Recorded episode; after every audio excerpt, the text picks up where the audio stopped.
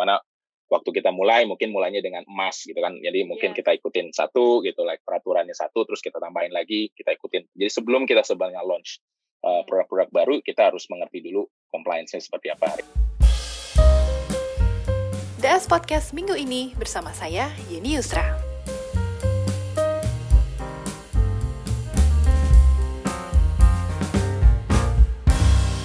Hai Riyadi, apa kabar?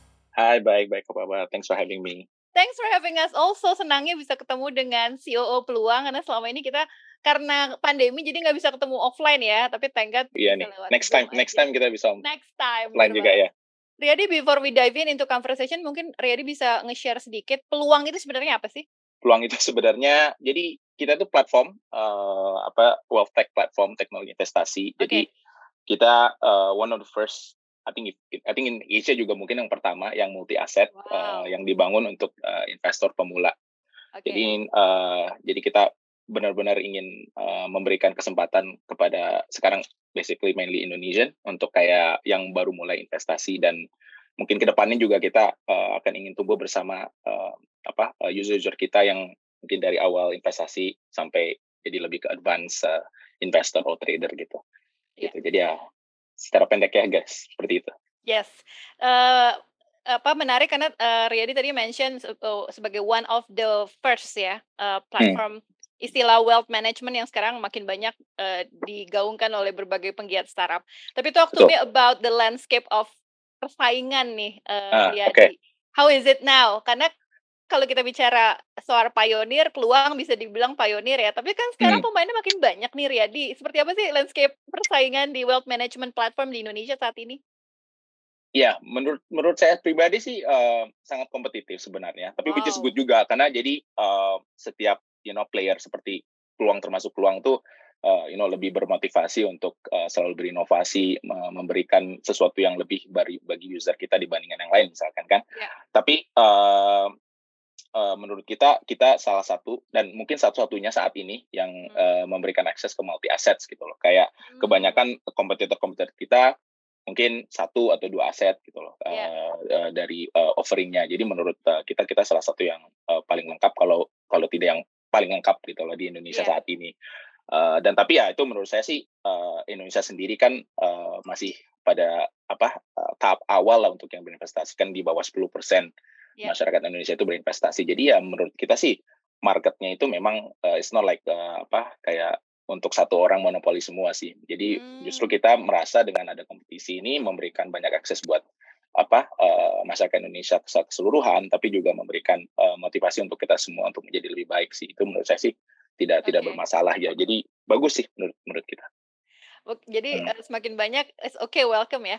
Tapi kan, Iya, iya eh, karena marketnya besar sekali juga Iya, kan. Kalau benar. bakal lebih besar dan menurut saya sih eh, yang namanya misalkan contohnya bank mana ada satu bank kan yang me- semua. Jadi menurut saya sih sama aja yang untuk eh, platform investasi ini eh, bukan hanya satu player mengambil semuanya juga. Jadi ya kita sih eh, percaya ini akan sesuatu yang menjadi apa eh, pertumbuhan bersama di dalam ekosistem gitu loh. Jadi ya tidak mungkin ada satu orang monopoli sih. Oke. Tapi Hmm. kan eh, platform wealth management ini kan salah satu yang highly regulated ya. Correct me if I'm wrong, Betul, Riyadi. betul, betul. Gimana nih supaya bisa compliance dengan regulator dan eh, investasi apa sih sekarang yang jadi unggulan di peluang? Hmm. Kalau yang namanya apa compliance sih kita itu uh, top priority ya dari awal Ya. juga memang uh, kita selalu thinking about compliance first kan yang namanya benar juga kayak Pane tadi Pak Yani bilang apa compliance tuh pertama apalagi untuk uh, financial services kan Ya. itu selalu yang paling pertama di Indonesia juga kan regulasi itu uh, bisa dibilang makin makin lama makin ketat juga sesuai dengan uh, apa yang terjadi di around the world kan gitu in terms Ya. of like uh, tightening regulation. Jadi kita selalu uh, dari awalnya tuh um, uh, compliance first di mana waktu kita mulai mungkin mulainya dengan emas gitu kan. Jadi mungkin Yes. kita ikutin satu gitu like peraturannya satu terus kita tambahin lagi, kita ikutin. Jadi sebelum kita sebenarnya launch uh, Hmm. produk-produk baru kita harus mengerti dulu compliance-nya seperti apa, regulatory requirement-nya seperti apa sebelum kita launch dan ke depannya juga uh, kita akan terus memperketat ini karena kan uh, makin kita apa uh, selalu uh, uh, 100% compliant juga pasti user juga bakal lebih merasa lebih nyaman kan gitu Yes. loh. Itu itu menurut saya paling penting sekali. Makanya kan uh, pasti user juga bakal merasa lebih nyaman kalau tahu kalau kita itu teregulasi oleh OJK atau teregulasi oleh Bapepti misalkan. Itu yang karena itu kita juga merasa ini sesuatu yang membuat user kita juga lebih nyaman. Terus kalau untuk yang pertanyaan kedua soal produk yang populer sih sebenarnya mungkin tahun ini ada berbeda dari tahun lalu ya karena yang oh. tahun lalu itu kan very apa uh, risk on lah gitu lah kan yeah. semua orang pasti uh, lebih pada tahu tahun lalu tuh ke kripto gitu loh, ke equity yeah. itu kan memang uh, dua aset kelas yang you know yang uh, maju dengan pesat lah tahun lalu. Kalau tahun ini sebenarnya mungkin lebih ke risk off gitu. Jadi banyak uh, beberapa users yang mungkin udah take profit atau enggak mungkin merasa uh, ini tidak uh, tidak cocok untuk risk profile-nya mereka. Jadi mungkin banyak yang pindah ke lower risk uh, produk lah. Bisa contohnya uh, reksadana yang pasar uang, reksadana uh, pendapatan tetap itu kan memang tidak tidak sevolatile uh, equity atau crypto gitu. Jadi sebenarnya sih uh, ya lumayan apa? lumayan berbeda lah dari tahun lalu dan ya. menurut saya itulah ke, keuntungan dari peluang juga karena kan kalau ada user yang ngerasa oke okay, saya, nggak mau terlalu beresiko lagi ya bisa pindah dalam satu platform gitu loh kayak yeah. menjual kriptonya beli reksadana pasar uang misalkan di platform yang sama gitu loh jadi itu sih kita ngelihat ada uh, sedikit shift gitu dari risk uh, risk on product ke risk of product jadi emas juga tuh stabil kan karena emas salah satu low volatility. Jadi walaupun yang lainnya berkurang misalkan kripto tapi emasnya di peluang itu bertambah. Jadi ya uh, menurut kita sih uh, itu salah satu cycle-nya investasi juga. Jadi ya di ya bisa dibilang di uh, expected lah gitu this kind of yeah. movement uh, market seperti ini gitu menarik uh, Riyadi bilang uh, semua semua layanan ada ya karena at the end hmm. of the day memperkuat ekosistem itu kan jadi jadi mempercepat pertumbuhan bisnis juga kan kalau semuanya ada Betul. dalam satu platform ngapain pindah ke platform lain Betul. itu juga jadi tujuannya peluang ya karena all all investment ada di sana dan ke depannya hmm. juga nambah supaya orang udah ke aplikasi atau ke platform peluang aja nggak usah ke tempat yang lain gitu kan Iya betul itu salah satu memang salah satu objektif kita juga supaya membuat apa user itu lebih sticky lah karena kan yes. itu dari pengalaman saya pribadi juga misalkan waktu awal investasi kalau saya mau ini uh, misalkan mau kripto buka satu mau untuk yeah. equity buka satu lagi untuk kayak reksadana buka satu lagi jadi kayak banyak, tidak gitu tidak kan. seamless jadi banyak kan aplikasi yeah. misalkan jadi di grupin oh aplikasi yes. investasi bisa ada lima enam gitu dan dan ya jujur aja kalau misalkan bisa satu kan lebih lebih enak juga lebih nyaman gitu loh dan dan dan lebih uh, untuk kayak melihat portfolio juga lebih gampang gitu kan Okay. Jadi memang itu sih salah satu apa value propositionnya kita juga ke user-user kita. Yeay. Dan hmm. kita tunggu lagi ya uh, fitur-fitur atau layanan lainnya ya karena investasi kayaknya makin banyak nih turunannya Riyadi ya. Itu based on apa sih ngelihat investasi yang relevan untuk hmm. dimasukin hmm. ke platform? Apakah based on demand, feedback hmm. atau hmm. apa nih? Uh, dua-duanya juga sih. Jadi kalau okay. dari demand feedback itu karena kan kita juga sebagai platform yang apa melayani publik kita juga harus mendengarkan kan publik maunya apa gitu jadi kita yeah. selalu uh, mendengarkan lah misalkan waktu makanya waktu pas kita awal mungkin cuma ada emas oh sekarang kripto lagi ini nih kita jadi kita do apa analisis due diligence dulu lah iya. kira-kira kripto cocok nggak regulasi seperti apa baru kita masukin terus ada minta oh minta uh, misalkan uh, eh, US stocks gitu. Nah, jadi jadi kita memang mendengarkan terus kita uh, memperbaiki, kita lihat apakah uh, bisa untuk ditambahin gitu. Jadi uh, kita selalu mendengarkan. Itu yang pertama. Terus yang kedua adalah lebih ke apa? Lebih ke ngelihat kita punya apa uh, produk suite-nya gitu. Apakah ada yang kurang gitu lah dari tergantung risk profile-nya kan mungkin pada awalnya kalau emas kan yang low risk profile, oh kita mesti siapin juga mungkin yang lebih high risk profile, maka kita makan yang seperti crypto dan equity gitu loh. Terus uh, misalkan untuk domestik dan uh, overseas exposure-nya juga gitu. Jadi kita memang uh, mencoba melihat apakah yang belum uh, ada di platform kita dan juga yang mungkin belum ada di Indonesia gitu gitu yeah. kalau bisa dan, tapi regulasinya itu sudah membolehkan kita gitu untuk uh, okay. apa uh, menambahkan produk itu jadi ya uh, berbagai macam faktor tapi ya yang paling utama sih memang yang dari dari demand user juga sih sebenarnya. Yes. Mm -hmm.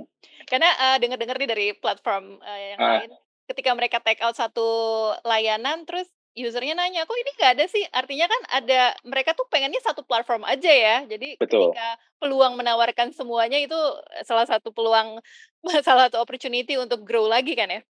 Betul, ya itu dia sih karena kita pengennya user kita tuh tumbuhnya bareng-bareng juga kan. Karena mungkin ada user kita karena bisa bilangnya gini, waktu kita menamanya mulai emas kan emas tuh salah satu yang paling orang paling ngerti kan gitu. Mungkin yeah. 50-60 persen orang di Indonesia ya ada pasti uh, saham apa ikutan yeah. apa uh, nabung emas gitu loh. Hmm. Jadi gampang lah gitu loh yeah. untuk dimengerti.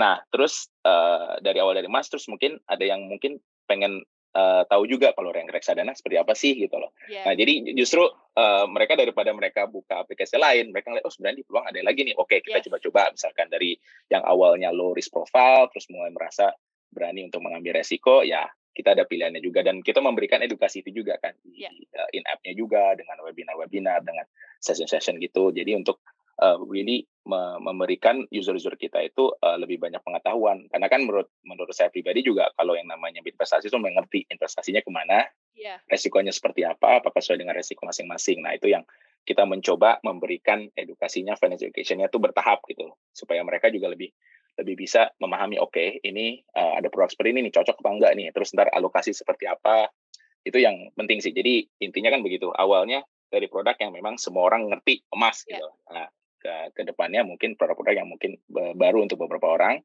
dan kita mau memberikan pelajaran yang cocok yang kalau mereka ada pertanyaan juga kita siap menjawab.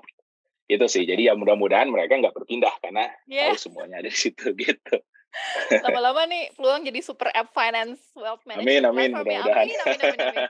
tapi uh, tadi Riyadi juga sempat mention soal user Uh, Talk to me about demografi nih Riyadi, seperti apa hmm. sih uh, pengguna dari peluang? Apakah beneran Gen Z milenial atau ternyata karena emas ada G, G, G, uh, Gen Y, uh, Gen X atau Boomers juga mulai main nih di peluang?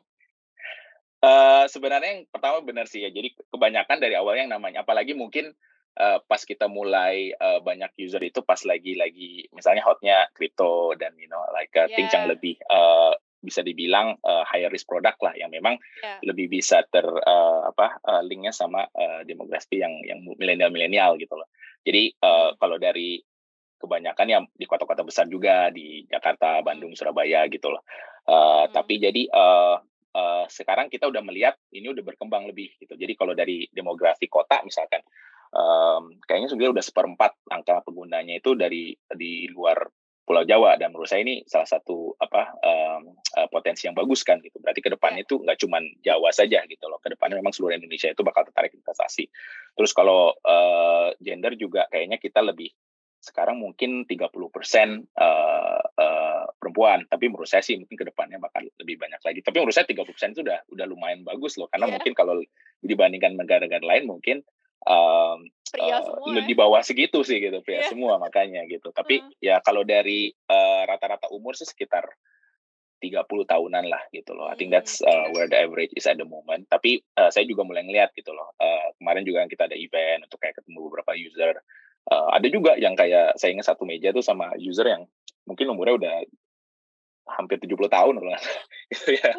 Jadi memang ya. ada iya dan dan dan dan beda memang gitu loh kayak kenapa yeah. dia berinvestasi itu apa dibilang katanya saya investasi ini kalau ada untungnya saya mau sumbangkan beda gitu loh yeah. jadi ya memang memang memang uh, kita melihat gitu memang uh, demografi juga makin melebar sih dari dari orang yang mungkin awalnya mencoba-coba sama orang yang mungkin uh, udah ngerti mungkin dari anaknya jadi bapak ibunya yeah. ikutan gitu loh jadi ya lumayan melebar sih tapi memang konsentrasinya masih yang di di milenial gitu sih bisa yeah. dibilang uh. menarik ya betul betul memang menarik sekali sih dan menurut uh. saya sih ini juga walaupun udah makin besar masih di bawah 10 persen. Gitu. Bayangkan kalau udah masuk ke 20 persen dan dan hmm. ya kita demografinya Indonesia juga pasti berkembang terus yang yeah. mudanya mesti itu dan kita juga makin melihat mungkin dari anak-anak SMA juga udah mulai ngerti soal investasi gitu dan menurut saya sih ini yang paling bagus karena dari kalau misalkan lihat dari negara lebih maju kan orang-orang tuh sudah belajar berinvestasi dari muda sekali gitu. Kalau dengan kayak misalkan kayak Warren Buffett itu dari umur lima tahun udah diajarin investasi gitu seperti itu kan jadi ya itu yang menurut saya sih mungkin ke depannya Indonesia bisa situ juga dan dan ya mudah-mudahan kita bisa membantu supaya Indonesia bisa lebih maju lagi dalam soal ya melek investasinya lah yes. gitu. Hmm. Oke. Okay.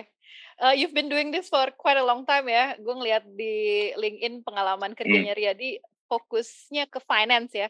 Dan Betul. sekarang uh, terjun langsung ke platform yang benar-benar uh, fokusin on finance. Hmm. Kalau menurut Riyadi, ini the hmm. next hmm. wave untuk wealth management platform itu seperti apa sih? Karena sekarang trennya lagi ngomongin the next wave of fintech, the next wave of hmm. edutech gitu. Yeah. Kalau platform seperti peluang, next wave-nya seperti apa sih Riyadi? Nah, uh, ya ini juga menurut saya sih tergantung gimana uh, apa uh, perkembangan cycle-nya market kan. To be honest oh. juga mungkin kalau tahun lalu kan rasanya kayak semuanya tuh naik gitu kayak semua orang berinvestasi tuh naik pesat kayak jumlah yeah. investor di Indonesia tuh dua tiga kali lipat dalam waktu yeah. satu tahun gitu. tapi uh. sekarang kan kita nggak tahu tiba-tiba ada potensi bakal ada resesi lah, ada apalah. Jadi menurut saya sih uh, ke depannya itu lebih ke uh, apa uh, platform yang bisa memberikan uh, user itu pilihan uh, uh, apa untuk berinvestasi di di mana pun cycle-nya gitu loh. Jadi yeah. kalau lagi cycle-nya benar-benar kayak risk on, kayak tuh semua orang itu ada. Kalau misalkan lagi risk off, nah itu menurut saya sih ke depannya itu bakal lebih itu. Kayak sekarang mungkin lagi saat kayak winter season bisa dibilang sekarang yes, yes, apakah yes. apakah apakah platform yang sekarang itu bisa memberikan user um, apa uh, kesempatan tetap bisa berinvestasi gitu loh. Uh -uh. Uh, memberikan produk yang cocok untuk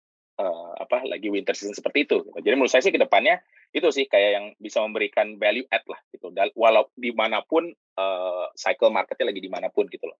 Karena kalau misalkan kita makanya kita dari awal percaya yang namanya investasi itu long term gitu kan. Makanya dari awal kita targetnya adalah mesti, mesti multi aset karena kalau saya pribadi juga gitu kalau yang namanya investasi untuk masa depan nggak mungkin masukin misalkan put all your eggs in one basket kan gitu. Uh-uh. Nah itu makanya jadi menurut saya sih ke depannya mungkin lebih ke situ.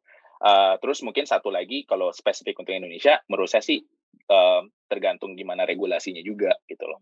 Jadi itu yang paling penting karena menurut saya kalau regulasinya juga sudah lebih maju mungkin uh, uh, bakal ada perbedaan gimana produk offeringnya seperti apa gitu loh.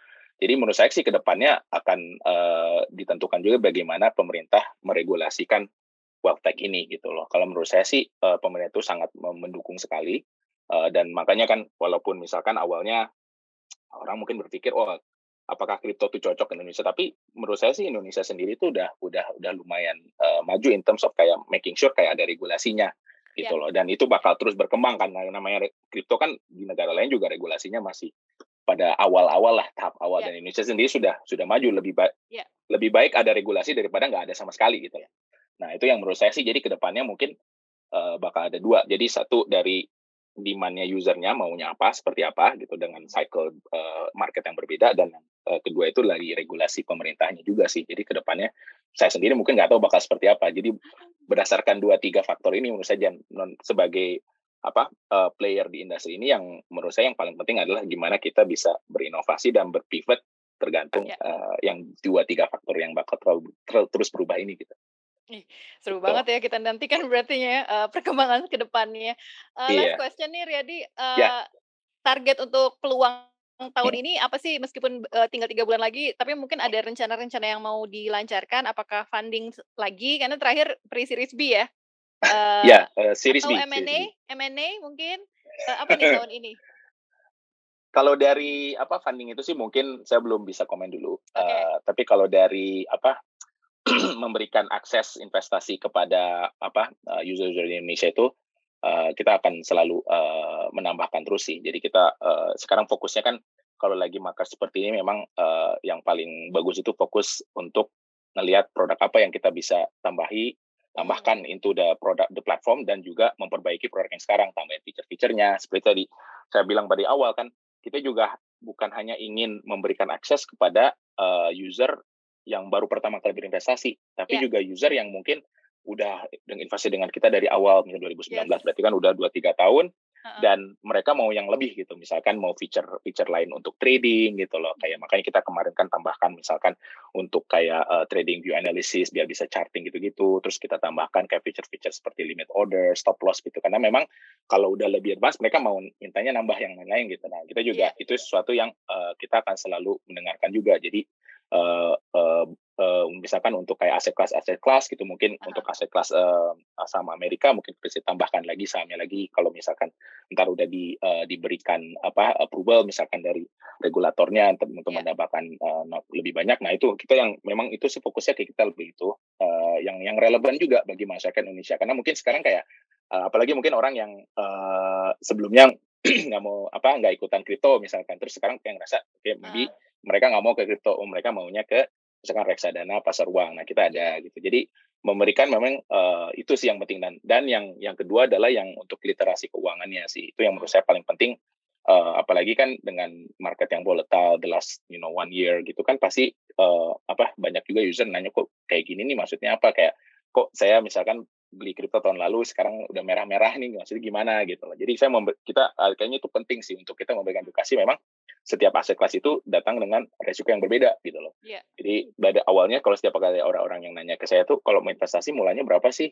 Mas kayak oh mesti berapa, terus alokasinya berapa? Kalau dari saya sih intinya gampang. Jadi um, um, selera resikonya gimana gitu loh. Kalau misalkan mau taruh X amount itu siap siap apa siap uh, siap rugi berapa gitu loh. Nah, itu itu menurut paling paling penting dari situ karena udah ngerti oke okay, ini saya dan dan time horizonnya berapa lama gitu. Nah, itu jadi menurut saya hmm. targetnya itu memberikan lebih banyak edukasi karena menurut yeah. saya kalau kalau semua uh, bisa udah ada kepe, sepemahaman yang yang yang at least basicnya lah dari situ uh, ke depannya lebih gampang juga untuk memberi mereka uh, apa uh, memberikan keputusan yang tepat untuk uh, berinvestasi di mana berapa banyak gitu loh alokasi gimana gitu. Nah itu menurut saya sih itu yang yang target kita sih uh, di situ juga benar-benar tambahin lagi edukasinya. Apalagi kan kita lebih banyak produk, berarti kan yeah. Ya. uh, user kita bakal lebih ada pertanyaan ini produk ini resikonya seperti apa nih gitu loh. Terus apakah uh, mesti tambah ke sini atau dikurangi portfolionya seperti apa. Nah itu yang menurut kita sih targetnya lebih ke situ sih. Benar-benar yeah. um,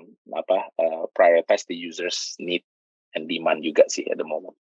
Jadi gitu. mengcaternya bukan cuma player-player aja ya, tapi yang baru-baru juga uh, supaya bisa betul. diberikan edukasi yeah. yang relevan gitu ya. Ih, good for betul, you dan peluang deh.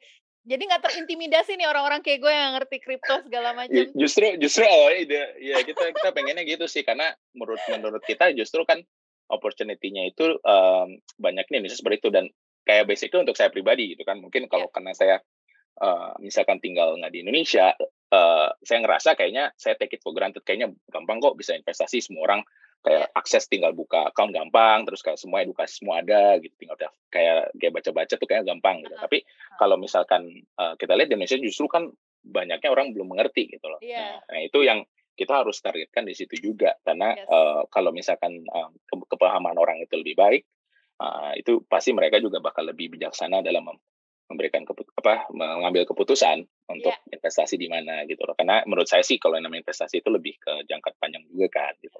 Dan bisa membantu ekonomi uh, juga kan. Jadi itu yang yang itu sih ya target yang utamanya sebenarnya masih di situ. Sampai sekarang sih kita harus uh, uh, harus selalu uh, memahami ke kebutuhan uh, apa masyarakat Indonesia pada umumnya sih sekarang masih di situ sih pada awal. Jadi setiap kali saya ke Indonesia sudah nanya kalau misalkan naik Gojek, Pak pernah investasi nggak gitu loh. Nah, sebanyak karena mereka wah saya nggak tahu. seperti tadi Mbak Yani bilang, wah kayaknya takut yeah. nih takutnya gimana gitu. Terus sebenarnya uh -huh. kan ada gitu yang investasi mungkin ya nabungin kayak lima persen oh, dari yeah. gaji dan yeah.